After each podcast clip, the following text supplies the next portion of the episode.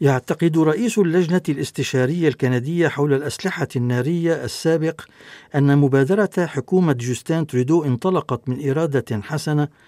On va euh, amener euh, plus de vérification pour les gens qui veulent acheter euh, des armes à feu. parce qu'on sait que les gens veulent qu'on qu les garde en sécurité. لكن التطبيق حسب رأيه كان بدون نفع لأن أعضاء اللجنة لم يكن بوسعهم القيام بأبحاثهم الخاصة حول الموضوع. ويؤكد الرئيس السابق للجنة جاك ماجور وهو قاض متقاعد من المحكمة العليا بأنه كتب مرتين لوزير الأمن العام رالف جوديل موضحا له ضرورة الاستماع للشهود وتجميع الوقائع حول المسائل المتعلقة بالأسلحة النارية غير أن طلبه بقي حبرا على ورق ولم تصله أي إجابة. واعترف القاضي المتقاعد ماجور أن الوزير جوديل كانت له نية حسنة عندما شكل اللجنة التي كان مناطا بها تقديم النصح للحكومة حول سياسات الأسلحة النارية. غير أن جوديل وموظفيه لم يفكروا فعلا عن عمل اللجنة حسب اعتقاده وتأتي تصريحات ماجور غداة الاستقالة التي رافقتها ضجة كبيرة لنائبة رئيس اللجنة ناتالي بروفو التي عبرت عن امتعاضها من التحرك الخجول للحكومة في مجال الأسلحة النارية وأكد ماجور بأنه عبر عن تطلعاته خلال أول جرى في شهر مارس آذار من عام 2017 في حال كان للجنة قيمة ما إذا علينا أن نجمع البراهين. يجب أن نجمع البراهين وأن نستمع لشهود بالإضافة لخبراء. يجب أن تتوفر لنا المعلومات. عما تفعله دول أخرى في هذا المجال لنتمكن من صياغة توصيات معقولة.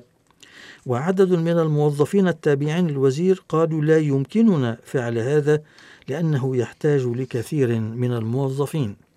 وفي المقابل رد ماجور بأنه لا يعرف كيف يمكن للجنة أن تسدي المشورة للوزير. أن يقال بأن الحكومة فعلت من جانبها كل شيء في وقت لم تكن أية مشاركة من قبلنا ما أشعرنا بأننا كنا وبكل بساطة سلعة استهلاكية ما يعني أن اللجنة لا تفعل أي شيء لكن كل شيء على ما يرام على الورق.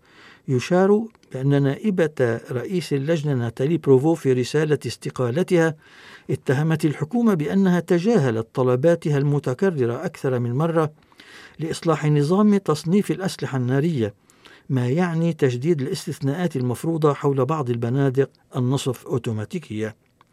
وتعتبر بروفو من جهتها بأن اللجنة لم تؤمن أي مشاركة لمشروع القانون الليبرالي حول الأسلحة النارية الذي تم اعتماده مؤخرا من قبل البرلمان وهو حسب اعتقادها أي ناتالي بروفو خجول جدا وبيوسع مشروع القانون التدقيق في السوابق بالنسبة للأشخاص الراغبين بالحصول على أسلحة نارية وتقوية الشروط في مجال الحفاظ على الوثائق وخاصة البيع وإلزام المشترين بتقديم إجازة صالحة بالنسبة للأسلحة النارية. Les autorités vérifieront si un demandeur de permis d'armes a été jugé coupable d'infraction criminelle, s'il a été traité pour une maladie mentale ou encore si dans le passé, certains de ses comportements ont été menaçants ou violents. Auparavant, on ne s'intéressait qu'aux cinq dernières années de la vie d'un demandeur. Tout son passé sera maintenant scruté. من جهته لم يفاجأ رئيس اللجنة الاستشارية السيد ماجور بالنسبة للتعليقات التي أطلقتها السيدة بروفو معتبرا أن تفكيرها واقعي وكانت اللجنة قد فحصت كافة تفاصيل المشروع قبل صياغته وقدمت تفاصيل دقيقة للحكومة حسب سكوت بارسلي الناطق باسم الوزير رارف جودير.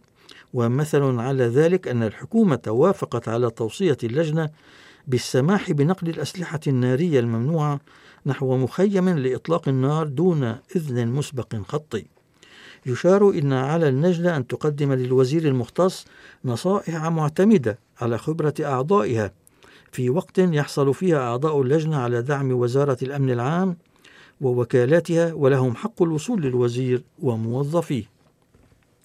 من جهته عبر السيد باردسلي عن امتنانه للسيد ماجور لخدماته ضمن اللجنة مضيفا بأن الوزير رالف جوديل اطلع على اهتمامات القاضي السابق وشكره لقيامه برفعها له في رسالة تعود لعام 2018 وحسب معلومات داخلية حول اجتماع اللجنة الذي عقد في شهر نوفمبر تشرين الثاني من العام الماضي والمنشور حسب قانون الوصول للمعلومات فإن أعضاء اللجنة دعوا للإدلاء بوجهات نظرهم حول الشفافية المتعلقة بتصنيف الأسلحة النارية والدعاية المتعلقة بالأسلحة النارية والإجراءات التجارية حول تخزين الأسلحة النارية وإلزام أخصائي الصحة بالكشف عن أسماء المرضى الذين قد يشكلون تهديدا في المستقبل. يشار إلى أنه عقب استقالة القاضي السابق ماجور من رئاسة اللجنة أصبح القاضي السابق والمدعي العام لبريتش كولومبيا والي أوبال رئيسا للجنة